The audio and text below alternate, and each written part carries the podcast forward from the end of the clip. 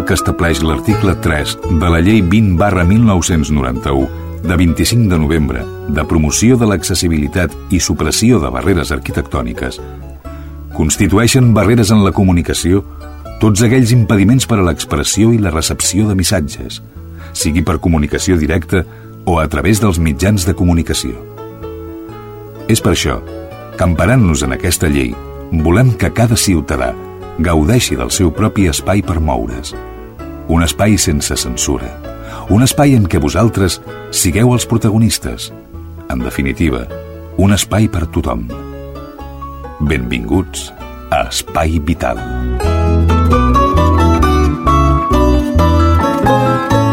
Benvinguts, benvingudes, ben trobats, ben trobades a redors de la sintonia de la vostra ràdio municipal. Això és l'Espai Vital, és un temps de ràdio on parlarem d'inclusió, on donarem claus perquè les persones que ens escolteu pugueu conèixer la realitat de tothom.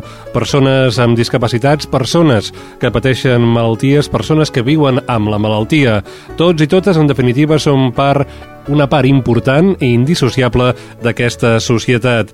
Com sempre, aquest programa és possible gràcies a les col·laboracions de les ràdios que el coprodueixen.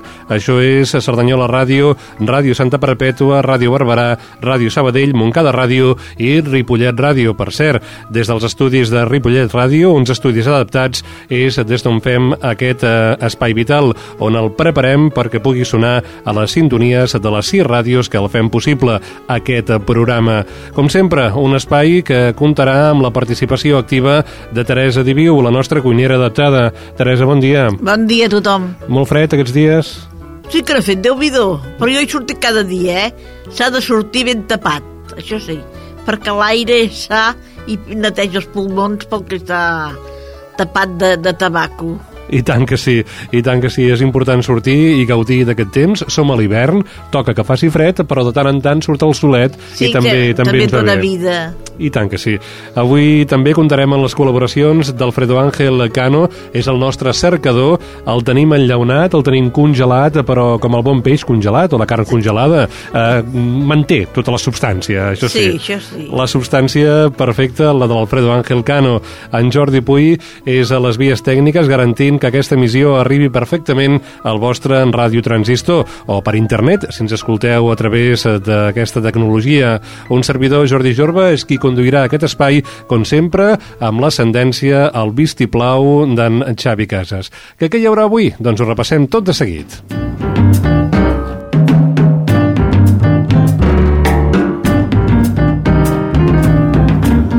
Avui tinc una mica de gana, Teresa. De què ens parlaràs? Quin plat ens portaràs? Avui, pues, unes mandonguilles amb pèsols, amb una salseta, ja serveix per primer i segon pla, perquè si poseu bastant pèsols, no és verdura, eh, però tampoc és una cosa del pèsol que, que també és una mica de verdura.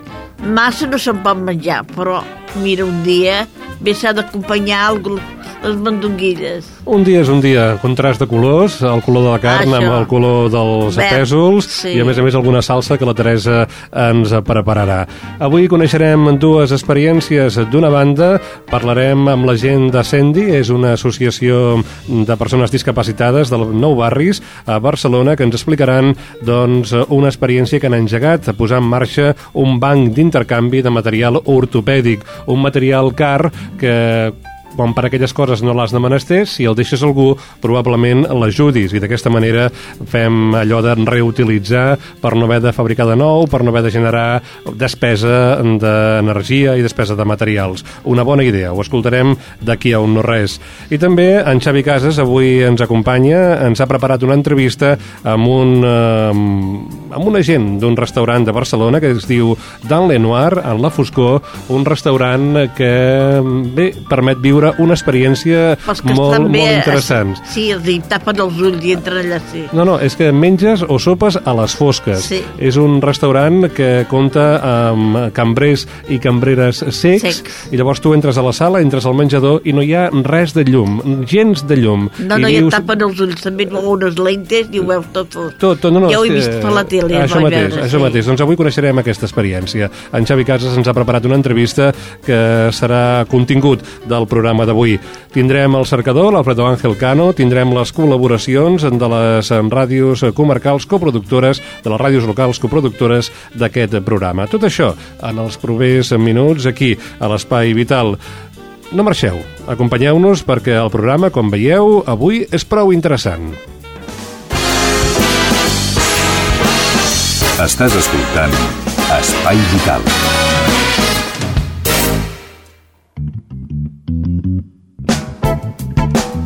Volem parlar a continuació a l'Espai Vital d'una experiència que impulsa la CENDI, és l'Associació per a la Sensibilització envers la Discapacitat de Nou Barris, una iniciativa que el que promou, el que ha posat en marxa és un servei de préstec gratuït de material ortopèdic. Per a parlar d'aquesta iniciativa ens acompanya via telefònica la Consol Gràcia, que és vicepresidenta de CENDI. Consol, bon dia i benvinguda a Espai Vital. Hola, bon dia. Consol, una iniciativa que mm, vol eh, donar resposta potser a una necessitat que teniu a nou barris de persones que han de menester material ortopèdic? Bueno, més que necessitat ni només a nou barris, és, és un tema que va sortir en, al ser nosaltres un, una associació dedicada més bé a persones amb discapacitat. Entre nosaltres pues, hi havia un tipus de material que un o altre no feia servir, eh, i es va començar a córrer la veu perquè en un moment donat una altra persona el necessitava i així va ser quan va començar a, a prestar-nos pues, alguna crosa, alguna cadira de rodes que ja no fa servir perquè tens una altra, bueno, temes molt puntuals. I això s'ha anat, anat fent important, i, i, però va ser començant pel boca a boca, o sigui, per una necessitat però molt puntual d'entreveïnatge. Uh -huh. És a dir, entre gent que us coneixeu del, sí. del barri, de la zona, doncs sí, que sí, sí, a partir d'aquí eh, aquella xarxa de sempre que hi ha hagut ah, a les ciutats, sí, sí. Eh, allò que fa barri, que fa poble... Ah, doncs, això de, doncs, de veïns, sí. Molt bé, a partir d'aquí doncs, neix aquesta iniciativa. Vosaltres llanceu aquesta iniciativa, tot i que la vostra entitat des del 2007 funciona, doncs aquesta iniciativa és recent. Eh, quina està sent la resposta per part de la gent?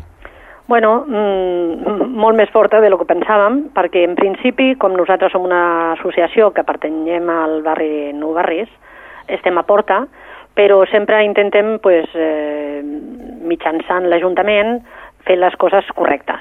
Llavors, un, en una de les reunions que tenim amb les tècniques que tenim de, de discapacitat aquí al barri, van fer el comentari, però com una cosa puntual nostra més bé particular. I llavors els hi va semblar molt interessant. I arrel d'això va sortir una petita notícia en el boletí que s'edita en l'Ajuntament i suposo que arrel d'això va sortir en un medi, de, en un diari, i bueno, poquet a poquet al sortir els medis ha sigut quan ens han reconegut més gent i gent que inclús no pertany ni a la societat nostra ni, ni bueno, al barri en concret, gent que quasi no et coneix i ens han anat parant pel carrer, vull dir, s'ha notat que per sortir als medis ha sigut una cosa molt més completa, perquè la cosa era anar a poc a poc, anar primer al cap que ens pertany, que és el de, de aquí de Rio de Janeiro, poquet a poquet, però s'ha disparat una mica per la mm. informació que doneu als medis. Molt bé, nosaltres ho hem llegit a Ecom, a internet, -huh. eh, també al blog d'aquest programa, mm, -huh. doncs també publica aquesta notícia i, i una mica també estem fent d'altaveus aquí bé, al, Vallès, al Vallès Occidental perquè ens sembla molt interessant aquesta iniciativa eh, que vol reutilitzar un material doncs, que per aquelles coses que comentava la Consol, que tu esmentaves, doncs, eh, queda a casa i que, uh -huh. i que, vaja, i que, i que pot tenir una vida útil eh, continuada. És un material car, sovint, o que s'ha de fer expressament o un material especialitzat que, que es pot reaprofitar. Una mica també hi hauria que estar basant, és a dir, la qüestió econòmica és important, però també donar més vida a aquest material. Això mateix. Uh -huh. Sí, sí, el més important és això, són coses que no es fan servir o es fan servir molt puntual i hi ha coses que tens de comprar perquè a vegades la Seguretat Social no t'ho no t'ho cobreix, però que van quedant arrelades a casa. Llavors, realment és això, a part de l'època que estem vivint, que és molt important, però és una cosa com per donar utilitat a, a aquest servei. Uh -huh. eh, comentaves que la iniciativa està tenint molt de ressò, hi ha molta gent que us està trucant, que us està localitzant, uh -huh. eh, hi ha telèfons a internet, per si algú vol fer-ho, sí. eh, hi ha telèfons a internet, eh, no ho sé, ara mateix eh, nou barris, la gent del barri ja, ja ho sap tothom i ara esteu rebent trucades doncs, d'arreu de la ciutat i fins i tot la nostra, en aquest cas informativa, sí. des de uh -huh. fora, una mica tothom s'està interessant per com funciona això. Sí, el que passa és que també teníem de dir que som una associació molt petita, o sigui, som un grup d'amics quasi, quasi que portem això, i en realitat el que no podem és nosaltres desplaçar-nos fora. I clar, perquè no tenim medis, en principi no tenim medis, van començar a posar les cosetes en un petit traster particular, i llavors pues, al, al tenir èxit ho estem donant a conèixer, però realment per ara no podem nosaltres fer-ne càrrec d'anar a buscar ni recollir. Tenia de ser sempre a partir del centre cívic on estem, que és aquí al carrer Porta. Uh -huh.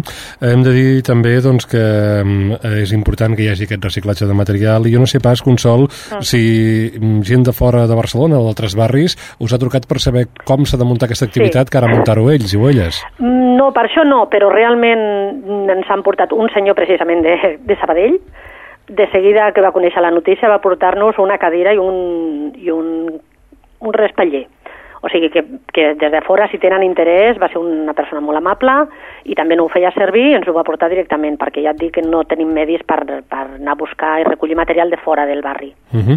Hem de dir que nosaltres hem trobat uh, la informació, hi ha dos telèfons mòbils, els, uh -huh. els puc donar, Consol? Sí, sí, sí, sisplau. Molt bé, els telèfons són el 638 495 707, 638 495 707 o també el 638 493 183 638 493 183. L'atenció és de 10 del matí a 1 de la tarda. Són telèfons de persones que pertanyen a Ascendi, aquesta associació per a la sensibilització envers la discapacitat de nou barris. Eh, Consol, aprofitant la videntesa que, que, que avui som aquí a, a la ràdio, que ens acompanyes via telefònica a la ràdio, eh, la vostra feina com a entitat, dèiem, neix l'any 2007. Mm. Aquesta activitat, aquest eh, banc de, de, de material ortopèdic, doncs és eh, l'actualitat, però fins ara, o, què és el que feu com a entitat? Deies que sou una colla d'amics i amigues. Eh, quines activitats més feu al vostre barri? Eh, en realitat, quan va començar el 2007, va ser un grup, mm, realment, llavors sí que eren més bé persones amb discapacitat,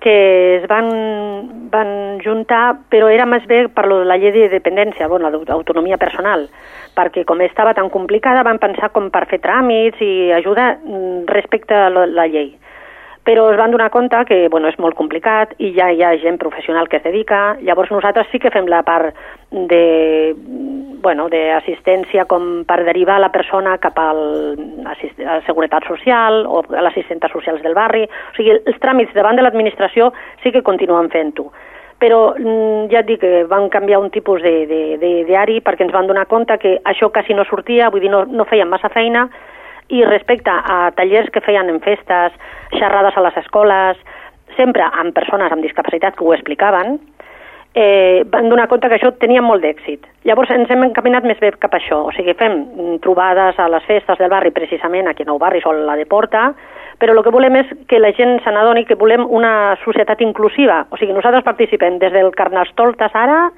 a qualsevol cosa que ens demanin, però anem tots, o sigui, persones amb discapacitat i les que no ho som. Llavors, uh -huh. és per això, per demostrar que tothom podem sortir al carrer i fem una vida normal amb uns petits ajuts i que som, pues, completament, tots som iguals. Tenim les nostres diferències i tothom som diferents, però tothom som iguals si ens donen una miqueta de recolzament. Doncs una mica aquesta filosofia també l'assumim des d'Espai Vital. Volem mm -hmm, una societat inclusiva, volem una societat on tothom sigui el que és, eh, tothom amb les seves diferències, les seves virtuts, eh, vaja, que siguem persones, tots som persones mm -hmm. en definitiva. Eh, Consol, com tenim nou barris pel que fa a temes, per exemple, eh, de, és... de mobilitat, de sensibilitat? Com Mira, eh, el que diem, jo tracto més bé el tema d'accessibilitat, i realment el nostre, concretament el de Porta, perquè saps que Nou Barris és un grup de barris antics, o sigui, bueno, antics i més moderns, o sigui, entra des de Trinitat Nova, Porta, Guineueta, bueno, el que coneix la zona. Nosaltres apartenem al barri de Porta, que és un barri petit, Tucana Meridiana, és el més antic de Nou Barris. Llavors, realment nosaltres era un barri mm, agrícola, eh, abans era el, un, un centre amb la petita església de Santa Eulàlia, que era el que es va fundar, era un petit poblet, i és molt planer, molt. Llavors, què passa? El ser un barri mm, molt antic és dels que més s'estan recuperant. Què vol dir? Que fan les obres d'accessibilitat. Com ja tenen un protocol que tenen de tenir un mínim, és un barri molt còmode, entre cometes. Hi ha zones de nou barris que no són tant, perquè són cap a la muntanya, o sigui, són tirant cap a Collserola, a la serra, però el barri nostre és un barri realment còmode i s'estan fent moltíssima obra. Llavors, realment és un barri molt, pensem, dintre de les seves problemàtiques, que tothom i molts arreglos que s'hi tenen de fer, és un barri còmode per viure. Perfecte, doncs ens n'alegrem, la qual cosa no vol dir que no siguem vigilants eh, com estan les nostres ciutats i barris, eh, perquè han de ser accessibles per a tothom, les uh -huh. persones que van en cadira de rodes, les persones que tenen algun problema de mobilitat, eh, ja ho deien cadira de rodes, per exemple, van sí, en bastó, sí, visual, gent gran, bueno. eh, carro de criu, Sí, vull dir sí, que sí. en aquest cas eh, tot sovint un se n'adona de com estan les ciutats quan, quan li toca viure Mm. les ciutats allò anant, anant a peu per les obreres, Mhm. si és que pot passar, perquè també tenim, tenim conductors o conductores insolidaris que déu nhi eh? Doncs, Consol Gràcia, avui ens ha agradat molt de parlar amb tu, que ens portessis informació d'aquesta iniciativa de Cendi, de l'Associació per a la Sensibilització envers la Discapacitat de Nou Barris, promouen un servei de préstec gratuït de material ortopèdic i des d'aquí encoratgem a la gent que ens escolta que si té material ortopèdic i el poden i volen aportar a la gent de Cendi, mm, la Consol ens deia que ells no poden anar-lo a buscar, però vosaltres podeu trucar i el podeu portar. Si aneu algun dia a Barcelona, doncs baixeu aquest material i de ben segur que a Cendi li trobarà una nova utilitat a través de les persones que, que, que puguin contactar. I per cert, com ho feu, això? Teniu el material i a partir d'aquí vosaltres teniu un banc amb les necessitats de material que té la gent que us truca? Com, com, com va el, el posar d'acord, diguéssim, la, el material que us porten amb la persona que l'ha de menester? Sí, sí, o sigui, fem quasi intermediaris, o sigui, nosaltres tenim el banc, tenim un tipus de material, llavors inclús, com has dit, que estem inclús federades amb ECOM, llavors el que tenim és com tenim poquet material, perquè hem començat fa poquet, eh, que fem és, si el tenim el material, eh, contactem la persona, té de fer-nos una, un motiu perquè, per al que ens demana, hi ha un màxim de tres mesos perquè el que no pot ser és una donació, i n'hi ha casos concrets que també s'estudien, llavors normalment és per solucionar el tema puntual. Mentrestant, el que fem és que si aquesta persona el que té és problemes de, de, no- d'accessibilitat a, a demanar-ho o algun problema, intentem que en aquest mes, que el, aquest temps que les hem deixat el material, solucionem via eh, tràmits la solució, o ja sigui amb un lloguer ja definitiu, o, o bueno, si és puntual, quan ell acaba el problema ens ho torna. I així és el material. Que no tenim el material, truquem a ECOM, que també tenim una relació, llavors si ells ho tenen, faríem intermediari perquè ECOM li, els hi prestés. Doncs d'acord, queda claríssim. Els telèfons de contacte de Cendi són el 638 495 707 o 638 493 183. Els tenim penjats també al blog d'aquest programa d'Espai Vital. Consol Gràcia, vicepresidenta de Cendi, moltes gràcies per la teva amabilitat i sort que ja el teniu amb aquesta iniciativa. Gràcies. Molt bé, gràcies a vosaltres. Adéu-siau. Adéu-siau.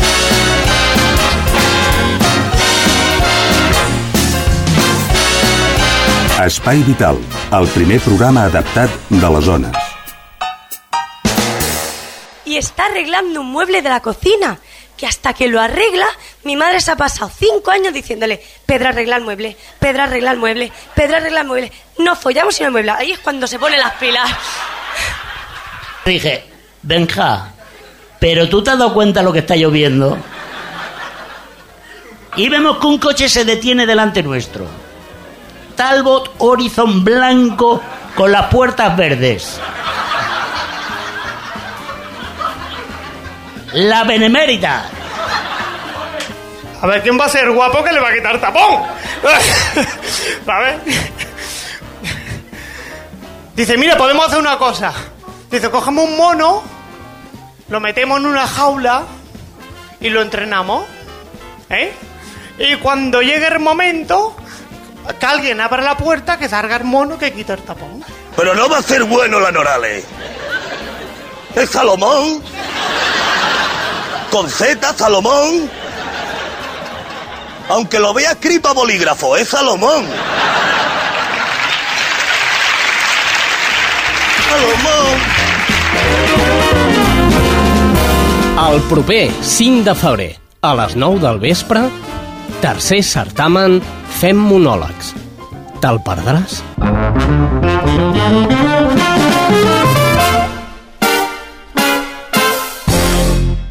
Ah, per cert, m'oblidava.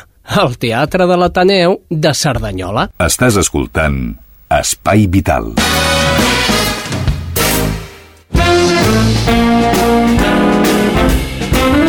La publicitat que escoltàvem fa un moment ens la servia en Xavi Casas, eh, que mm, també es dedica al qüestió de muntatge de missatges eh, publicitaris promocionals d'una activitat prou interessant i bonica. Es durà a terme el dia 5 de febrer a l'Ateneu de Cerdanyola a partir de les 10 del vespre. És el FEM Monòlegs, tercera edició. Monologuistes de Terrassa, de Ripollet i de Cerdanyola a favor de l'esclerosi múltiple. La cosa és ben senzilla. Es tracta que aquell divendres divendres aneu a l'Ateneu, pagueu 10 entrades, ai, 10 entrades no, 10 euros, 10 euros, si voleu pagar 10 entrades també, eh? Però vaja, pagueu 10 euros per la vostra entrada i accediu a aquest festival, a aquesta activitat que comptarà amb moltíssima gent i el repte és aconseguir fons econòmics per la Fundació Esclerosi Múltiple. Avui tindrem Xavi Casas per doble partida, d'una banda amb missatges publicitaris i de l'altra explicant-nos una experiència prou interessant. Us ho deia a la presentació, es tracta del restaurant Dan Lenoir, en la foscor. Això més o menys és la traducció al català. El Xavi Casas ha parlat amb una de les persones que du endavant aquesta iniciativa a la ciutat de Barcelona. T'escoltem, Xavi. Dans Lenoir. No sé si a vostès els sona aquest nom. Jo els diré que, curiosament, és un restaurant per persones cegues i portat a terme per persones cegues. És a dir, tu vols anar a un restaurant a sopar un plat exquisit, amb uns sabors exquisits, pots anar a Barcelona amb, amb, amb totalment amb, amb fosques.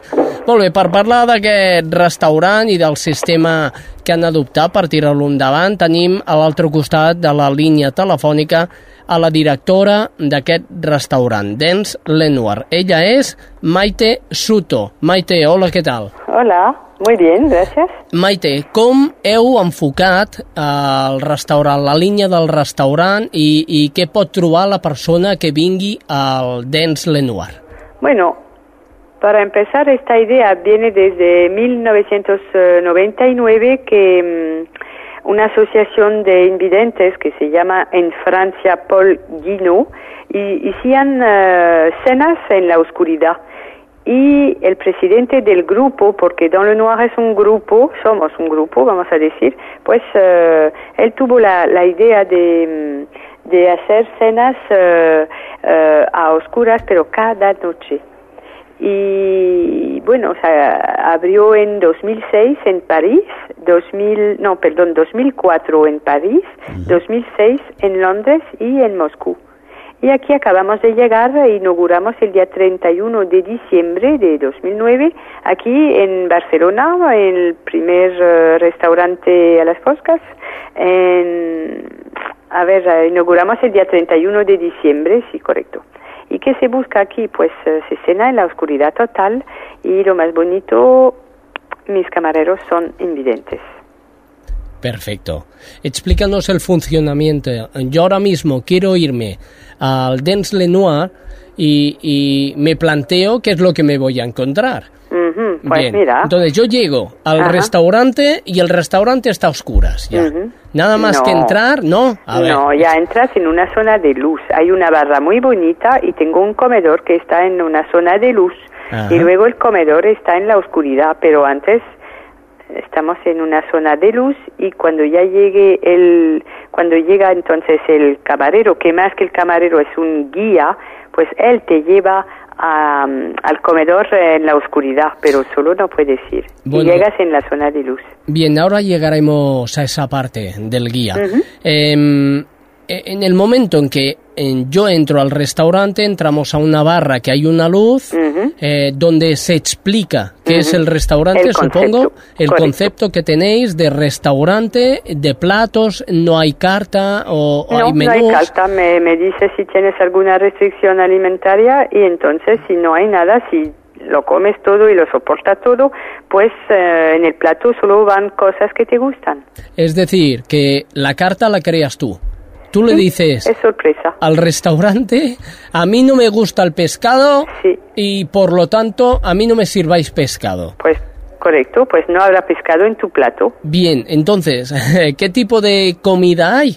Bueno, es una comida más europea. Me gusta decir que se come mm, casi comida de cada día, pero a mi chef no le gusta porque si no, no, no cocina casi, pero sí que cocina una comida sencilla, elaborada con produc- productos, carne o pescado fresco. Todo es fresco y es cocina hecha cada día. Y se come una cocina mediterránea, una cocina europea, vamos a decir francesa, catalana, ¿eh? Ajá. pero casi comida de cada día. La idea es que tú comas de otra manera, no con los ojos, pero con los otros sentidos, que tampoco eh, digo aquí que se come mejor a oscuras, ¿eh? Se come de otra manera. De otra manera, ni mejor ni peor. No, con todos los otros sentidos, al menos la vista. Muy bien, entonces las personas que entran aquí y van a comer a oscuras es precisamente eso. Eh, llegan, entran al comedor acompañados de un guía, que en este caso es un discapacitado visual. Sí. Bien, explícame, los acompaña cogiditos de la mano y los lleva a su mesa. Sí, Vale, ellos se sientan porque palpando Claro. las sillas, tú dices, ay, yo me voy a sentar aquí y tú, cariño, te vas a sentar allí. correcto. Bien, en el momento en que ya estamos sentados, el paso siguiente es que el camarero nos dice, ¿qué quieren tomar los señores? Nada, No. no. Él ya va con el bono, ¿no? De, de la comida en la mano y este bono ya, pues va a lo que han pedido.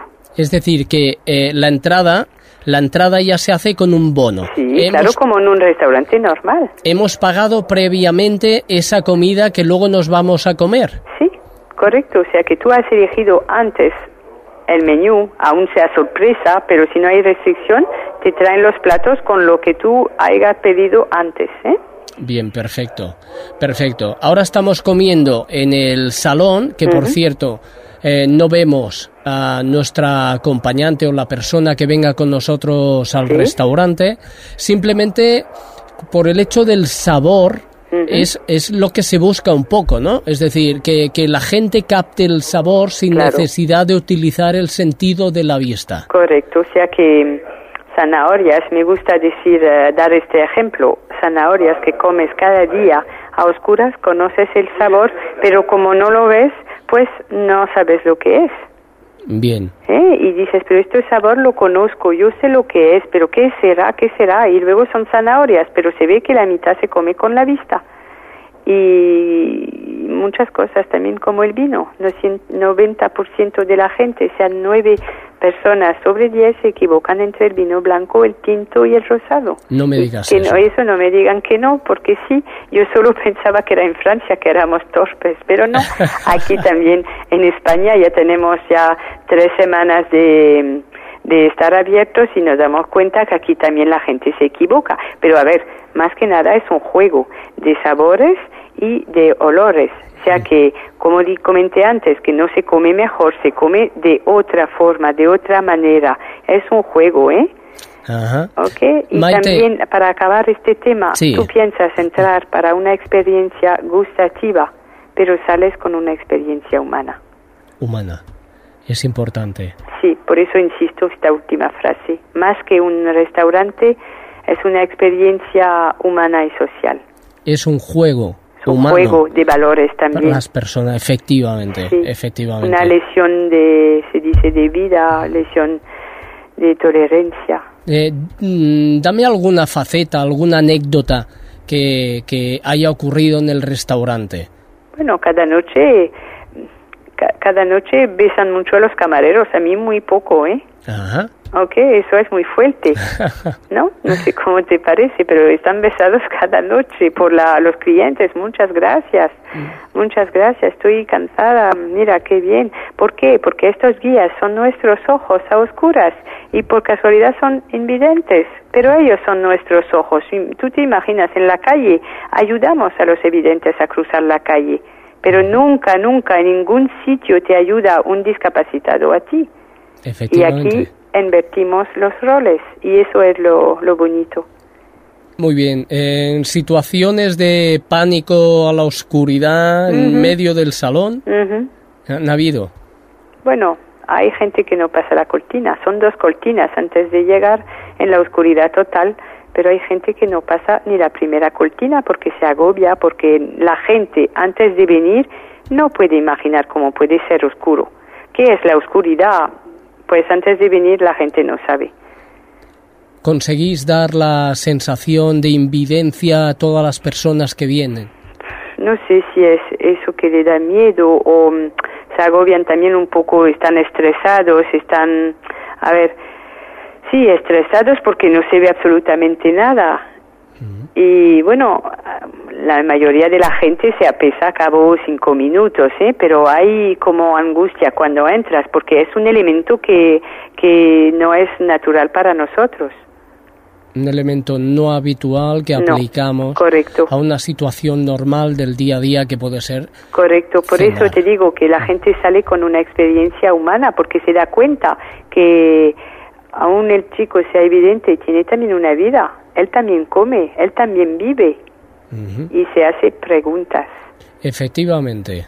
Normalización, normalización en nuestra vida.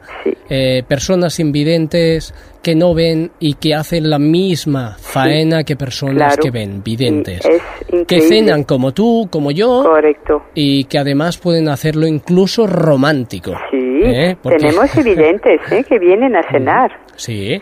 Sí, la semana que pasada también hubo un chico con una silla de ruedas. Ajá.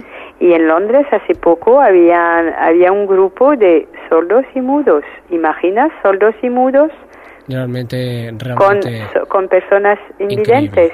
Ajá. Ajá, Realmente increíble. sí, increíble. la verdad, la O verdad. Pero antes de venir no sabes de lo que hablamos. La gente no imagina. Maite, ¿os esperabais la reacción de- del público, la que habéis encontrado en España? Pues sí, voy a decirlo, sí, sí.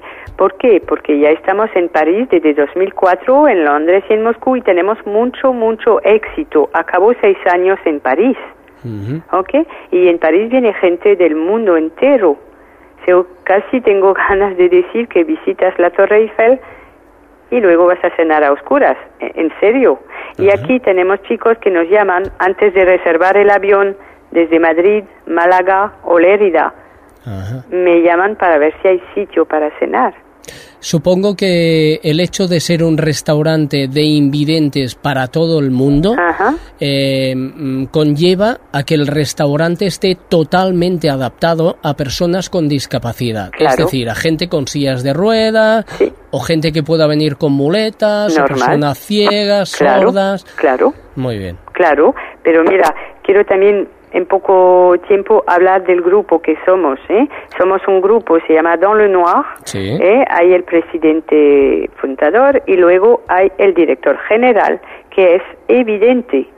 Empleamos 40% de gente con discapacidad. O sea que no solo invidentes, sordos y mudos, silla de ruedas. ¿Por qué? Porque a través, dans le noir hay una empresa que se llama Ethic Event y Ethic Event hace también eh, eventos a través del mundo. La idea primera nuestra de todo el grupo es de sensibilizar a la gente a, las, a, a- a varias discapacidades.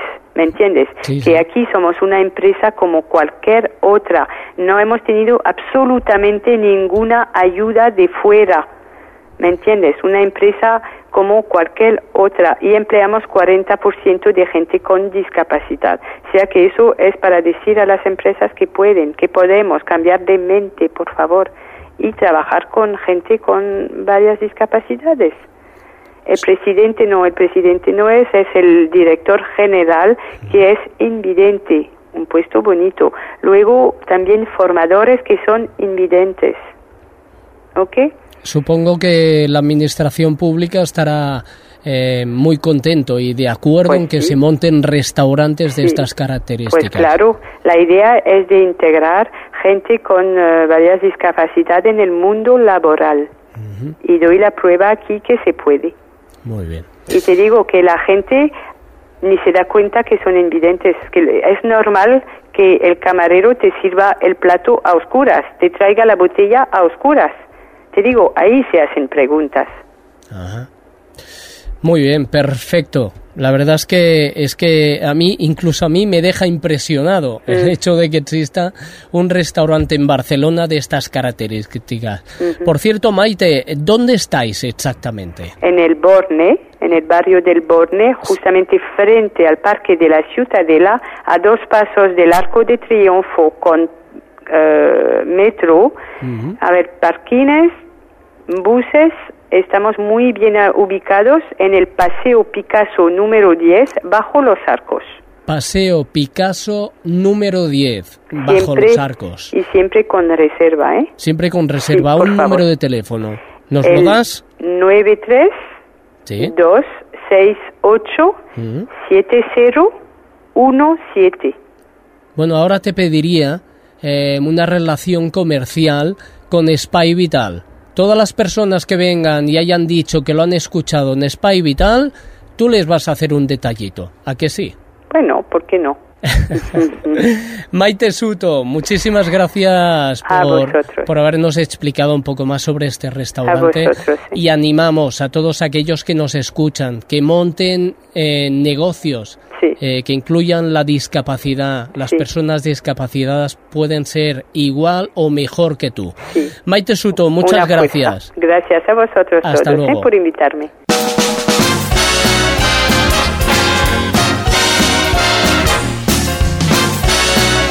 Espai Vital, el primer programa adaptat de les zones.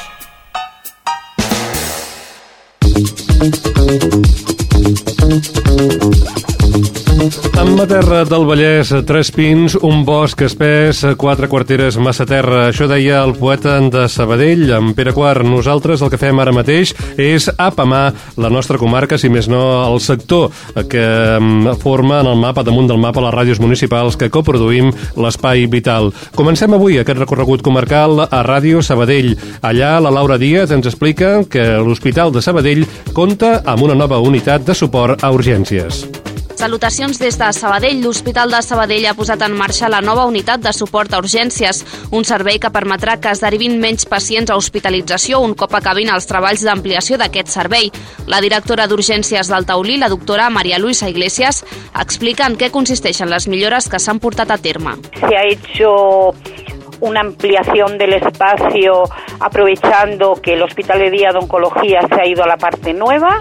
Entonces han adecuado los boxes con aparataje nuevo y, y es una zona que dará lugar a que los pacientes estén 96 horas de evaluación y tratamiento del paciente para posteriormente ir a la primaria, a la atención domiciliaria, a consulta externa o de alta.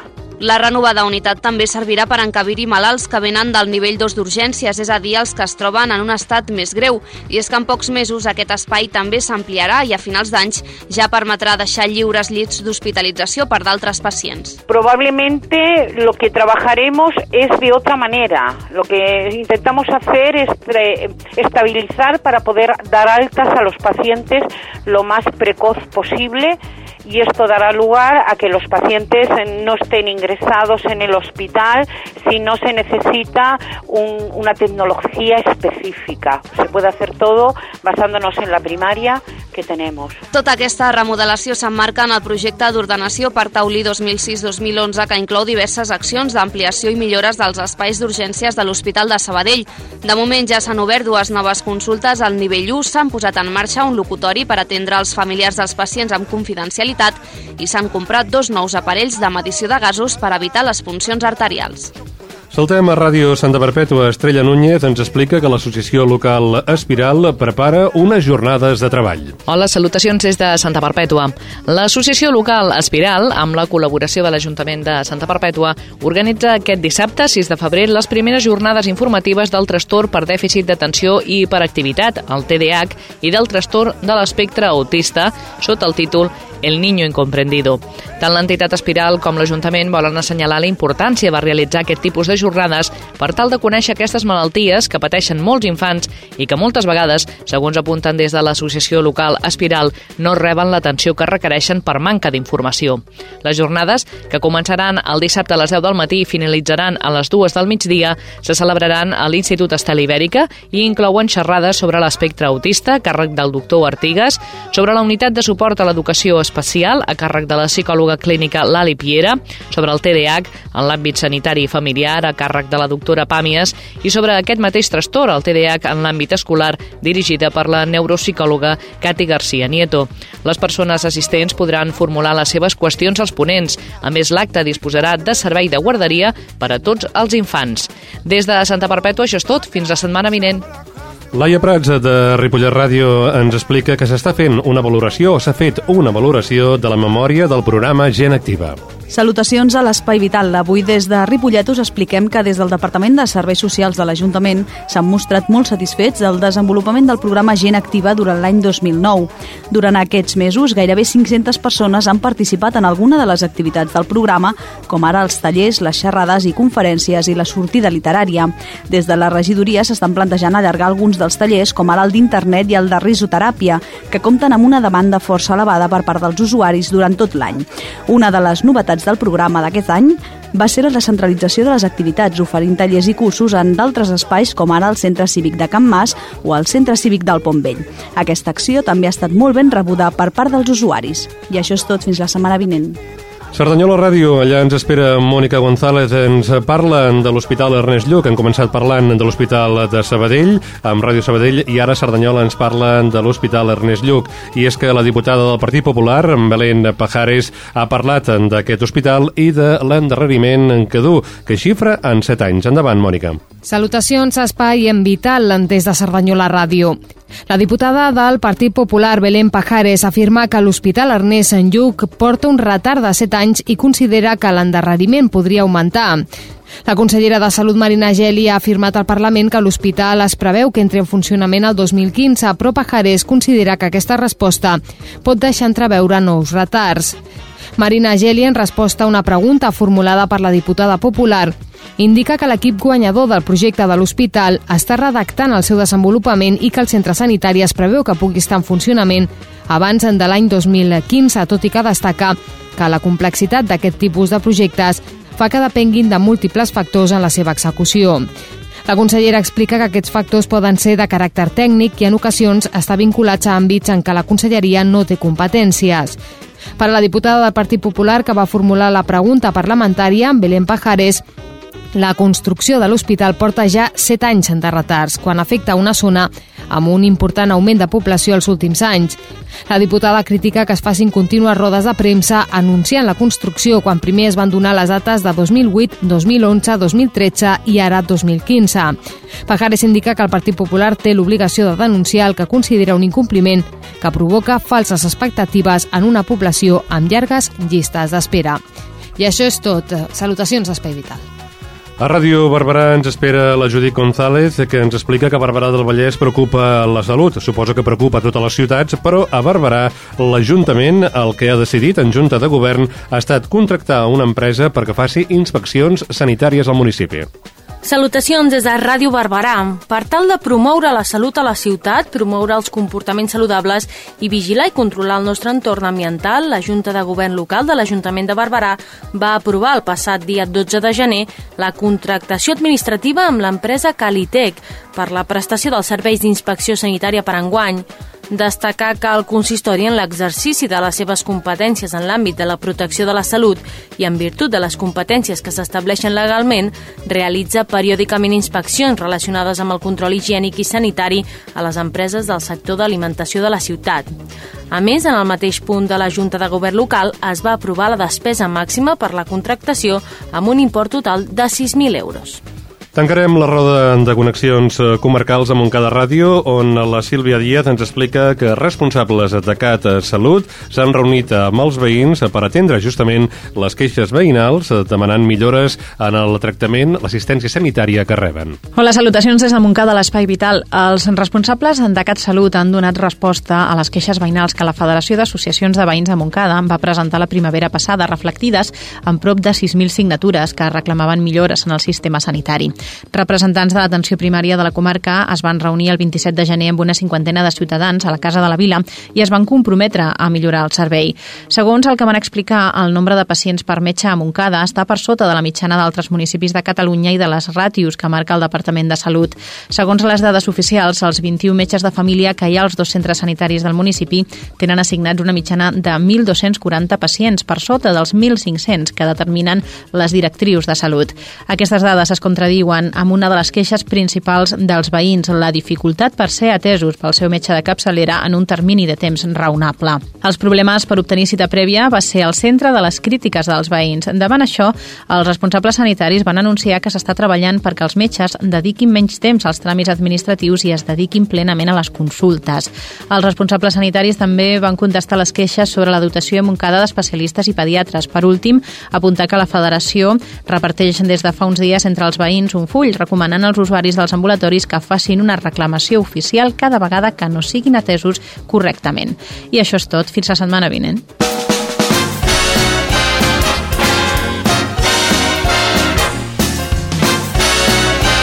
Espai Vital, el primer programa adaptat de les zones.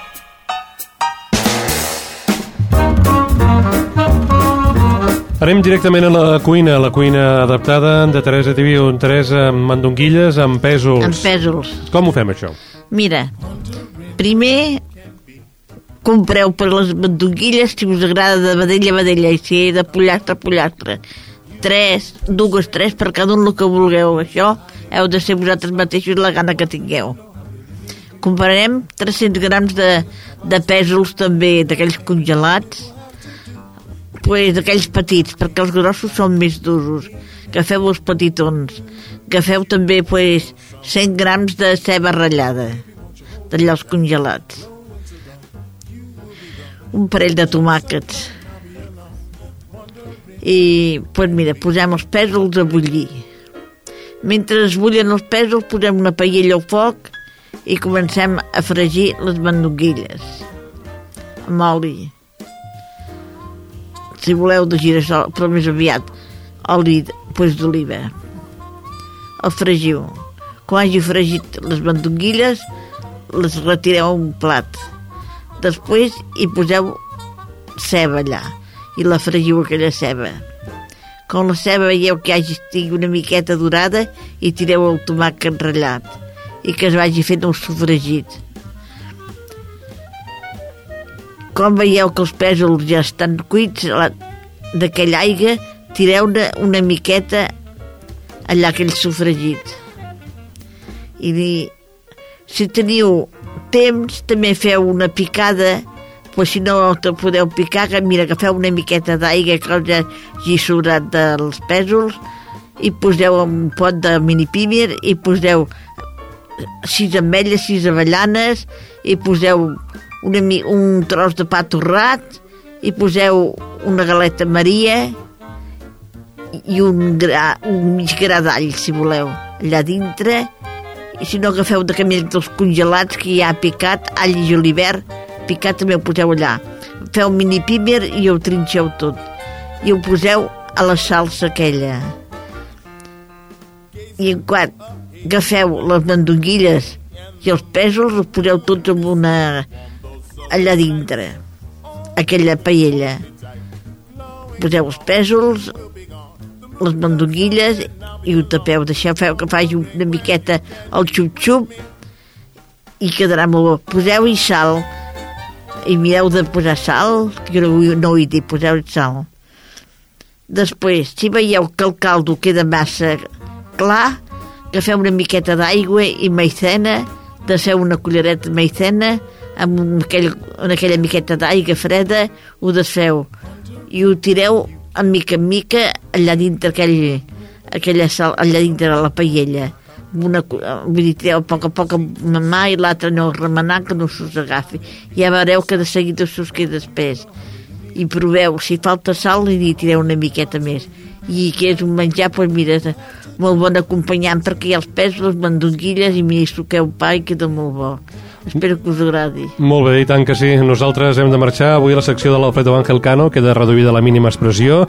Busqueu el blog de l'Espai Vital, eh, poseu Google, poseu Espai Vital, i la primera adreça que surt és la del blog. Allà trobareu notícies molt interessants.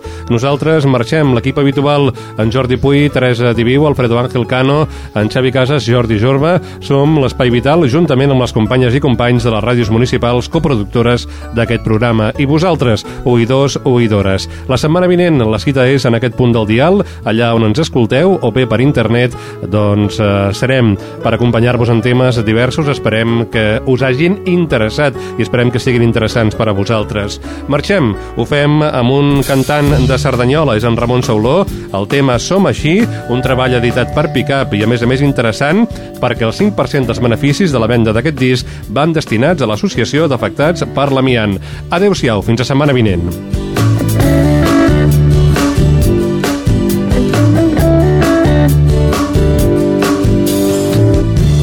La vida és complicada i que el sol no surt per tothom. Ja ho sé, ja ho sé. Que els dies passen i els anys volen i tu i jo ens estem fent més. Ja ho sé, ja ho sé.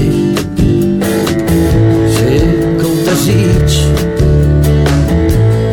es pinceix que el que baixa ja no puja i el qui mora ja no neix sense apreciar-la l'energia de la vida. Ja ho sé, ja ho sé. Que ens diem vint mil vegades si pogués jo no ho faria. Ja ho sé, ja ho sé. Però caiem però mentim. Fent-li un club d'ull a la vida la vivim. Som així i anem tirant intentant aprendre dia a dia per ser bons amants i som així. I anem vivint. L'endemà per més que ara no ho sembli l'estem escrivint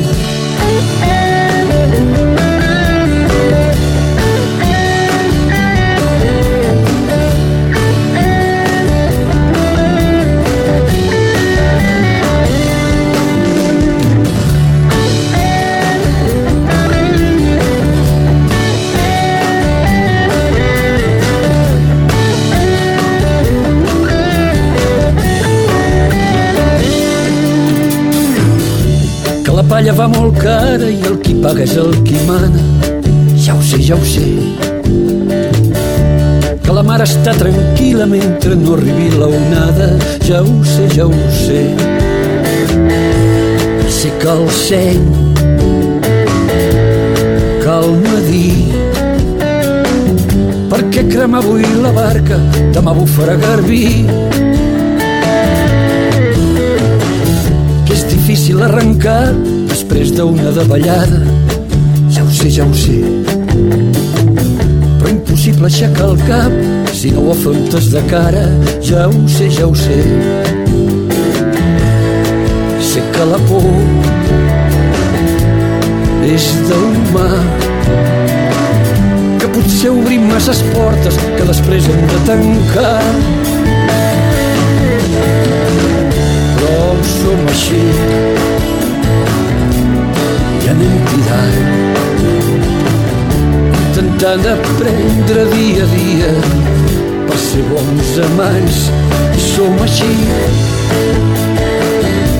I anem vivint. L'endemà per més que ara no ho sembli l'estem escrivint